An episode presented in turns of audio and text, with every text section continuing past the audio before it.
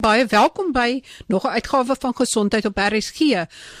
Die minister van Gesondheid, dit is nou Zweli Mkhize, het onlangs in die parlement sy begrotingsrede voorgelê.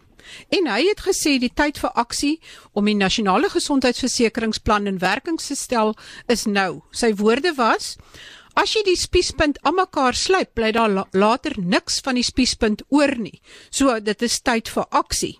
En hy het toe ook 'n paar dinge aangekondig in die parlement, soveel so dat hy gesê het daar word 30 miljard rand ekstra gegee vir die gesondheidsbegroting en uh en dan ook dat daar verskeie poste vir dokters, dis hoofsaaklik die mediese beamptes en vir verpleegsters gevul gaan word.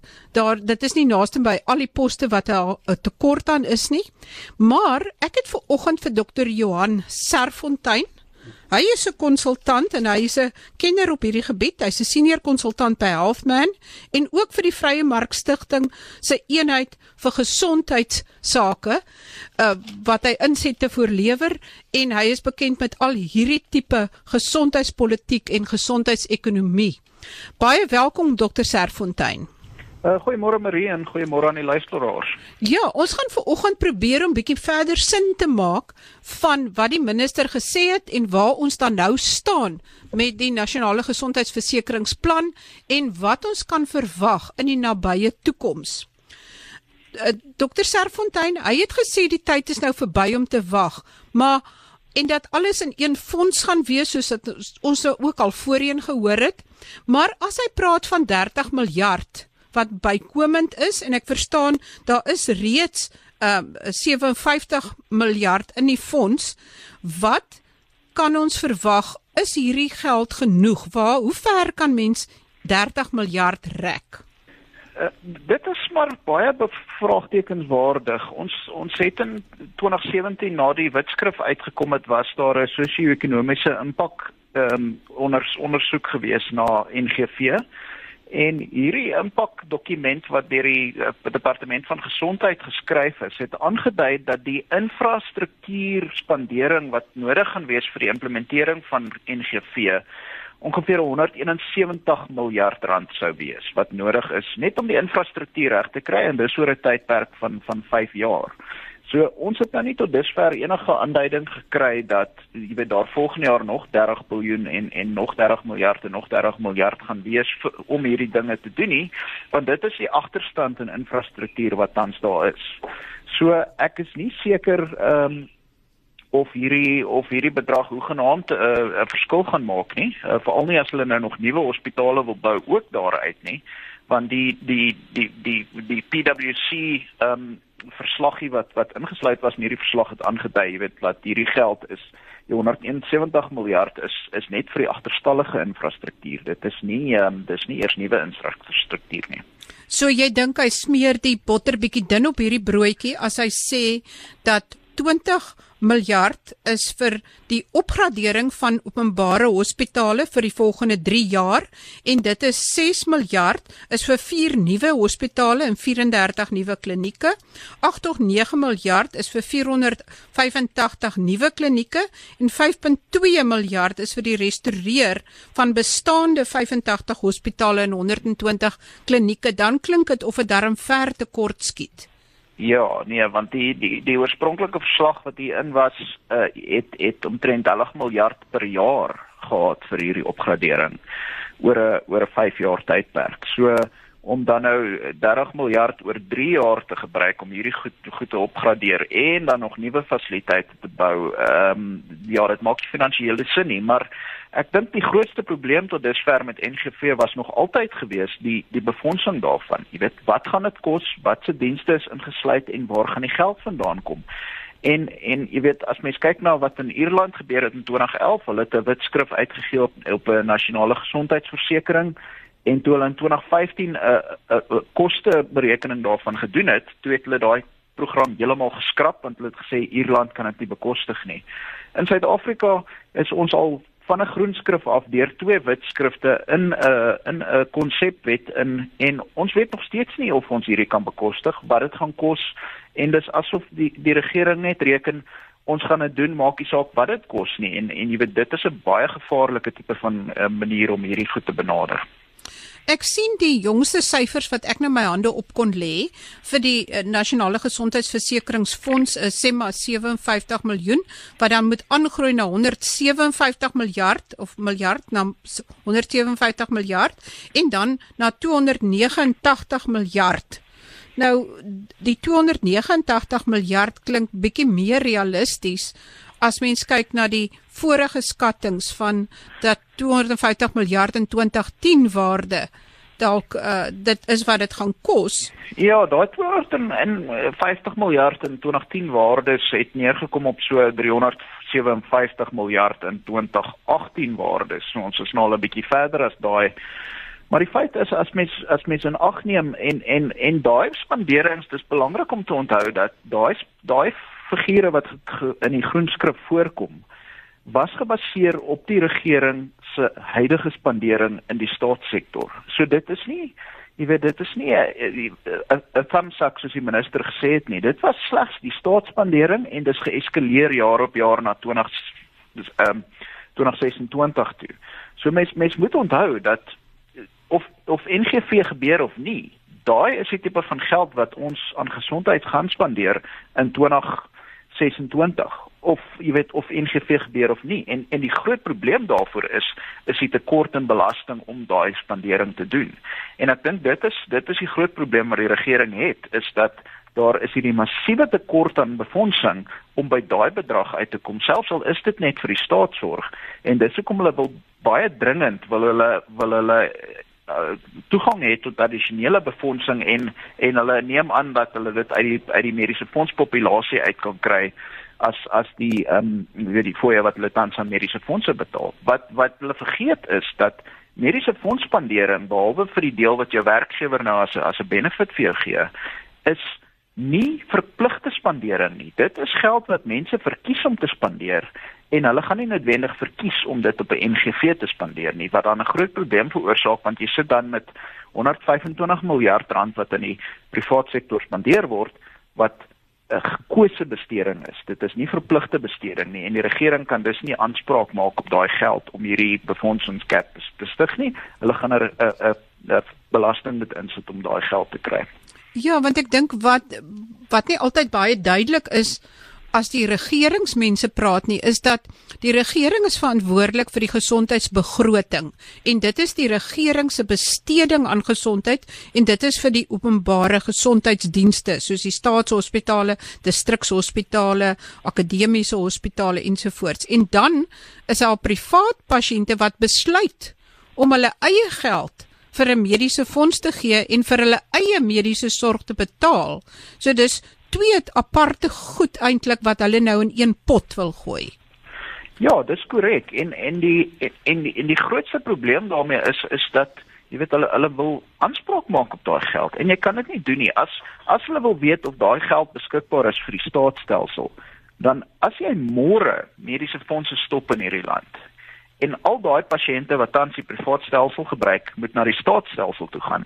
Gaan daar nie 'n enkele sent geld daai pasiënte volg na die staatsstelsel toe nie en daar gaan nie 'n enkele praktisyn uit die privaat sektor daai pasiënte volg na die staatsstelsel nie want daar is nie befondste poste vir hulle nie. So wat dan gaan gebeur is as die privaat stelsel môre toemaak, dan gaan die staatsstelsel vir 100% van die land se pasiënte moet sorg en hulle gaan nie ekstra sent kry om dit mee te doen nie. So dit is vir jou 'n duidelike aanduiding dat die staat nie geregtig is op fondse wat in die private sektor gedoen word nie en dat die private sektor 'n bela baie belangrike rol vervul om pasiënte uit die staatsstelsel uit te hou. So dit so dit word, jy weet, so mens moet daai stelsel moet jy probeer om om dit so gesond as moontlik te hou want dit is besig om om om om reserves en en goed wat wat gebruik kan word vir daai pasiënte wat wel staat gebruik beskikbaar te hou vir die ouens in die staat want anders as jy as jy nog meer mense in die staatsstelsel het dan jy groter agter agterstande in die staatsstelsel. Dokter Serfontein, is daar op die oomblik enige wet wat sê dat die staat die geld van die mediese fondse of die premies wat die pasiënte betaal vir die mediese fondse kan vat of om mediese fondse te verbied? Uh nie tans nie. Um, maar onder die onder die NGV is daar sprake dat mediese fondse beperk kan word om dienste te te betaal wat nie deur die NGV gedek word nie. Dit in op sigself is 'n probleem want want mediese fondse um, as NGV begin om minder dienste te lewer omdat daar 'n geldtekort is, dan moet mediese fondse daai dienste lewer en en dit maak dit baie moeilik om te bepaal uh, wat jou premie gaan wees op 'n maandelikse basis want die fonds weet nie eintlik wat hulle alles moet dek nie. Hulle weet net hulle moet dek wat die NGV nie dek nie. So ja. as die NGV se se service basket as jy dit so kan noem, dan nou varieer, dan moet fondse hulle goed varieer en jy weet dit dit maak dit verskriklik moeilik vir hulle. Maar op die oomblik is dit nou een van die punte waar daar glad nie oorduidelikheid is nie en dit is wat daai basiese pakket gaan wees wat 'n pasiënt wat dan sê maar die NGV stelsel is in werking, daar is 'n enkele 'n NGV fonds waar uitbetaal word en jy kan nou na 'n spesifieke hospitaal toe gaan om 'n diens te kry of na 'n dokter toe gaan om 'n diens te kry. Wat is daai basiese pakket wat dan gratis aan jou gelewer kan word? Ja, ons het ons het tans geen idee wat dit is nie. Die regering het geen idee wat dit is nie. En as jy nie 'n idee het wat se dienste jy wil lewer nie, het, kan jy ook nie bepaal hoeveel geld jy moet hê om daai dienste te lewer nie. So dit dit is 'n geweldige probleem. Ehm um, weet die feit dat hulle nog steeds aandring op 'n op 'n enkel hierdie enkel betalerstelsel, jy weet, is is veral bekommerniswekkend want daai besluit om 'n enkel betaler te hê is gemaak op 'n stadium in Suid-Afrika waar waar staats uh, kaping 'n geweldige probleem was.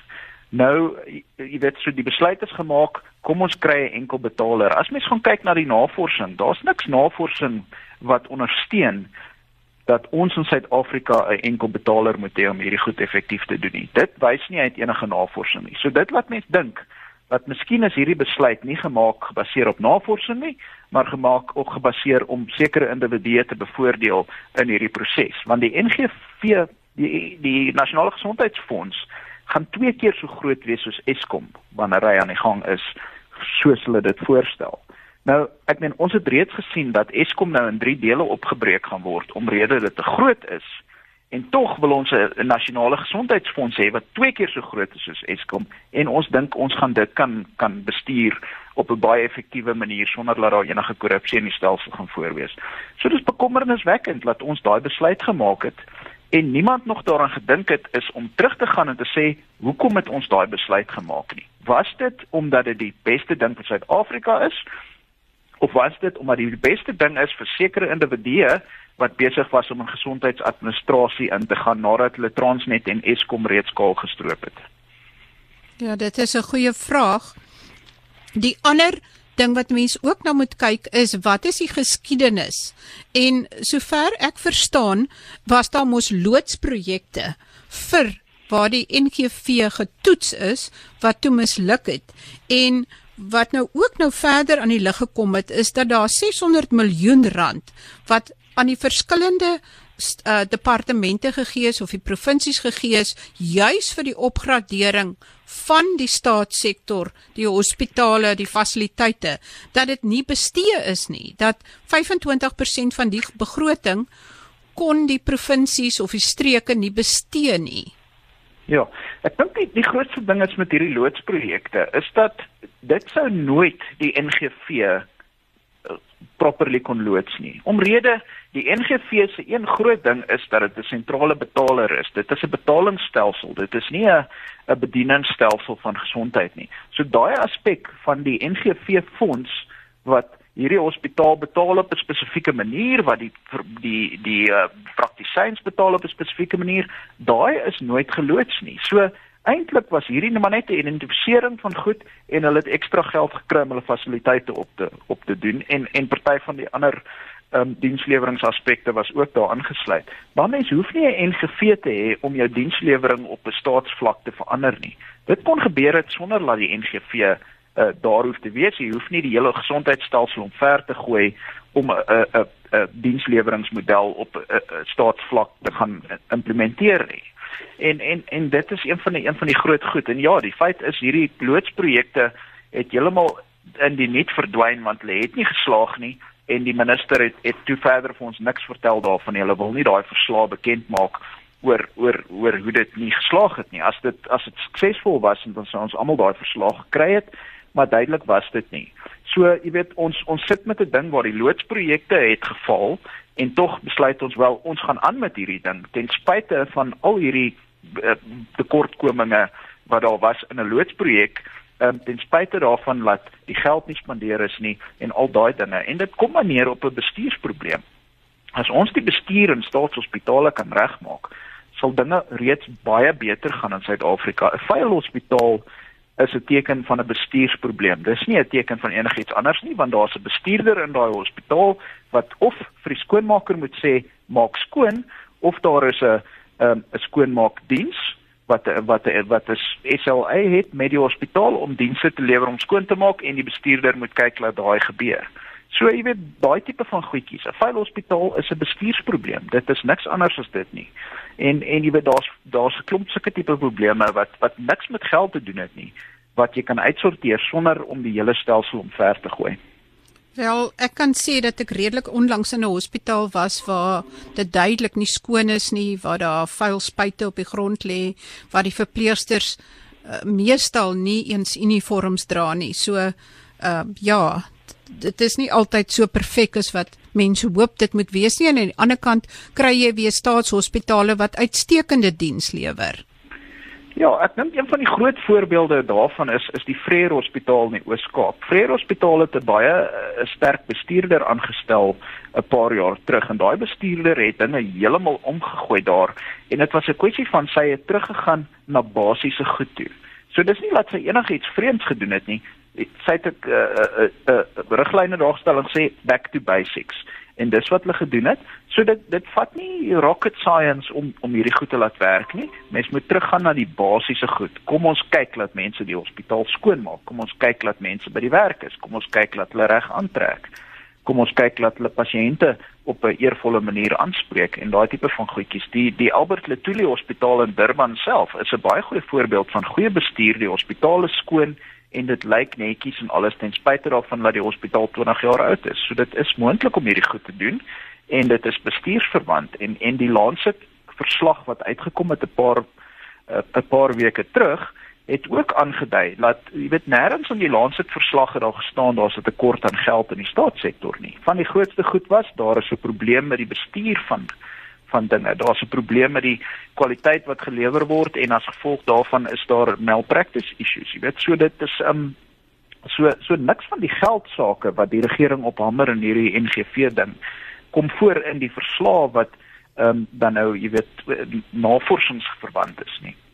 Wat wat ek ook baie interessant gevind het in Dr Mkhize se begrotingsrede is dat hy syfers genoem het van doktersposte en verpleegposte. Daar's omtrent 4100 mediese beampteposte vakant en hy hoop om 2600 plus te vul. Daar's amper 4000 verpleegposte vakant en hy hoop om so 2300 so gou as moontlik te vul en dan het hy ook gesê hy's bekommerd en die die administratiewe poste is te veel en dit moet verminder word.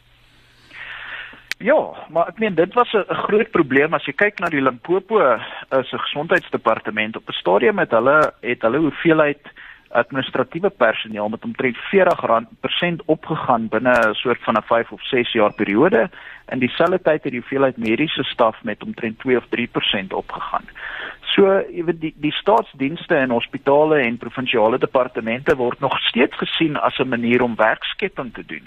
En aan die gesondheidsdepartement waar daar waar daar 'n probleem is met hulp met hulpbronne, moet jy soveel as moontlik mediese personeel daar hê. Jy kan nie net bly administratiewe personeel aanstel nie, want die mense doen daar's nie genoeg werk vir hulle nie. So, jy weet dit is 'n groot probleem. Jy moet fokus op dienslewering en dis nie iets wat tans gebeur nie.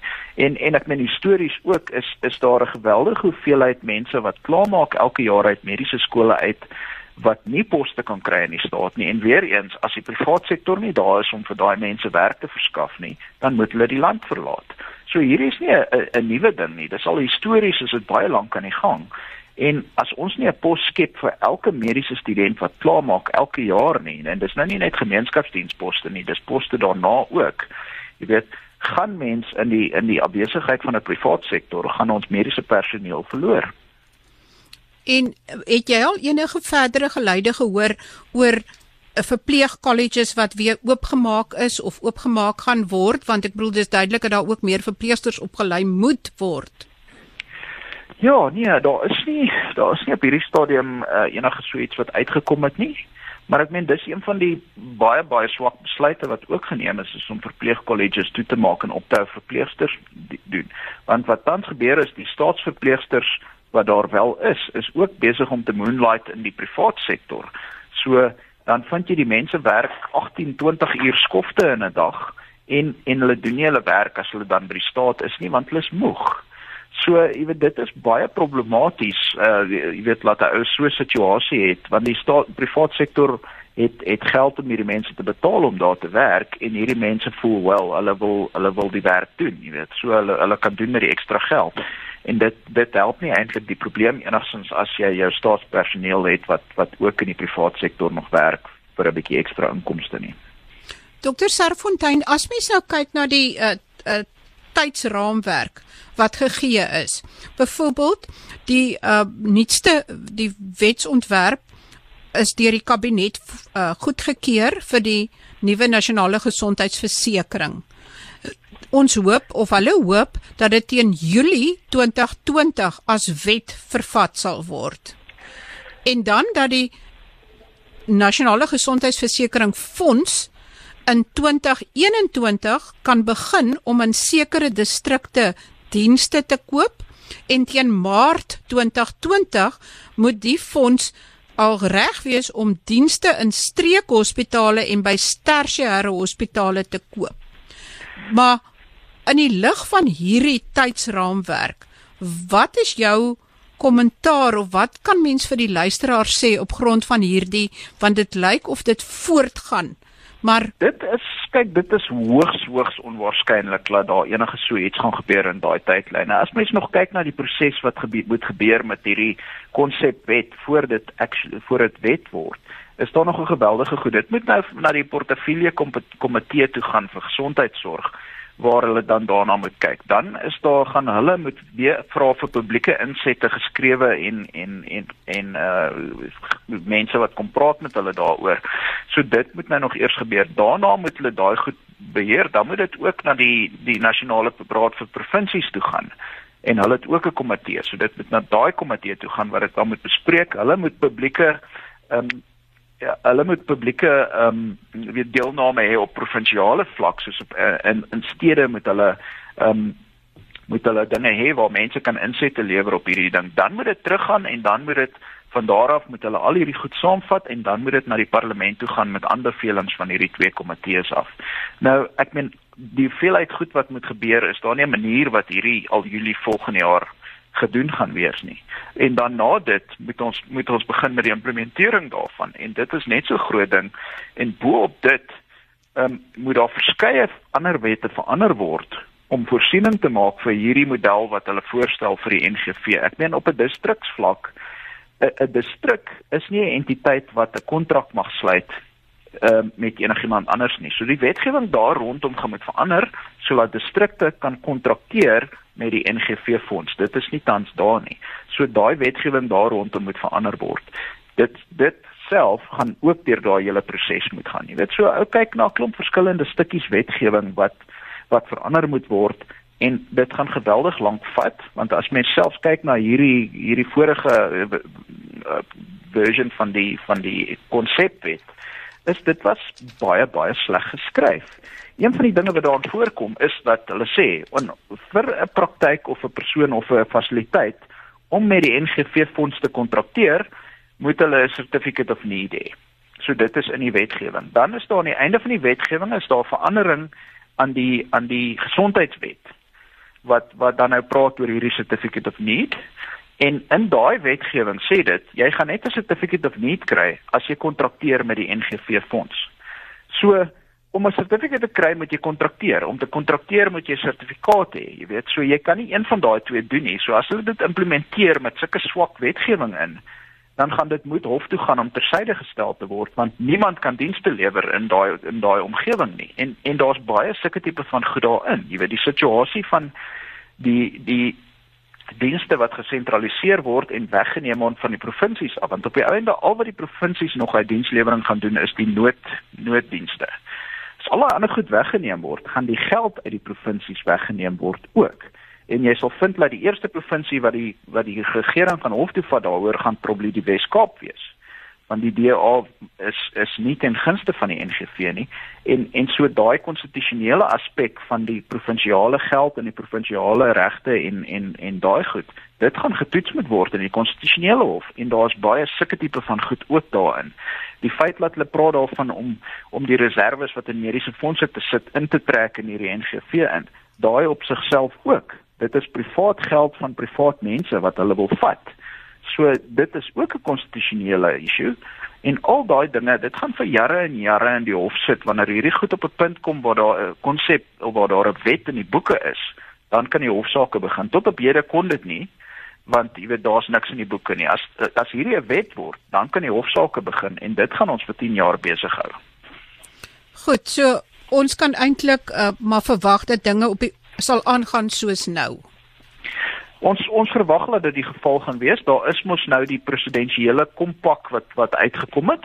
Ehm um, dit het 'n strategiese plan om die gesondheidstelsel te verbeter en uh, as as daai geïmplementeer kan word en dit is altyd in Suid-Afrika die moeilike ding is om enige plan te implementeer. Om planne te maak is ons baie sterk op, om planne te implementeer is ons nie so sterk op nie.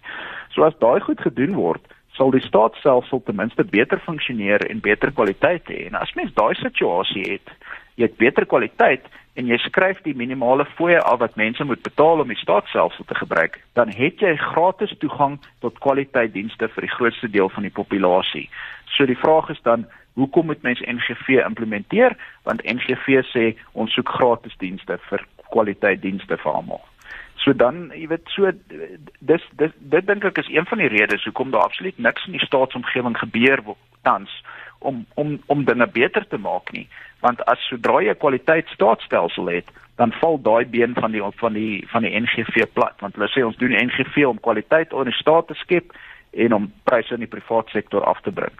So jy weet dit lyk nie of hulle enige van daai twee goed eintlik wil noemenswaardig wil doen nie want dit dit maak dan dat hulle nie NGV eh, rede het om NGV te implementeer nie. En NGV is 'n politieke besluit. Dit is dis gebaseer op 'n ideologie.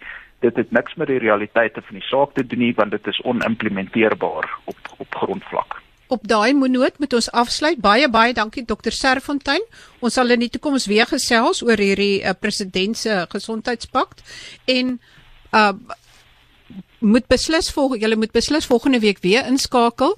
Dan uh lewer ek die beloofde gesprek oor straling siekte en het jy geweet dat elkeen soos wat ons hier sit en waar jy ook al staan is eintlik so klein bietjie radioaktief dis maar een van die interessante feite wat volgende week aan die lig kom. Tot volgende week dan wanneer ek weer gesondheidsake gesels groete van my Marie Hatse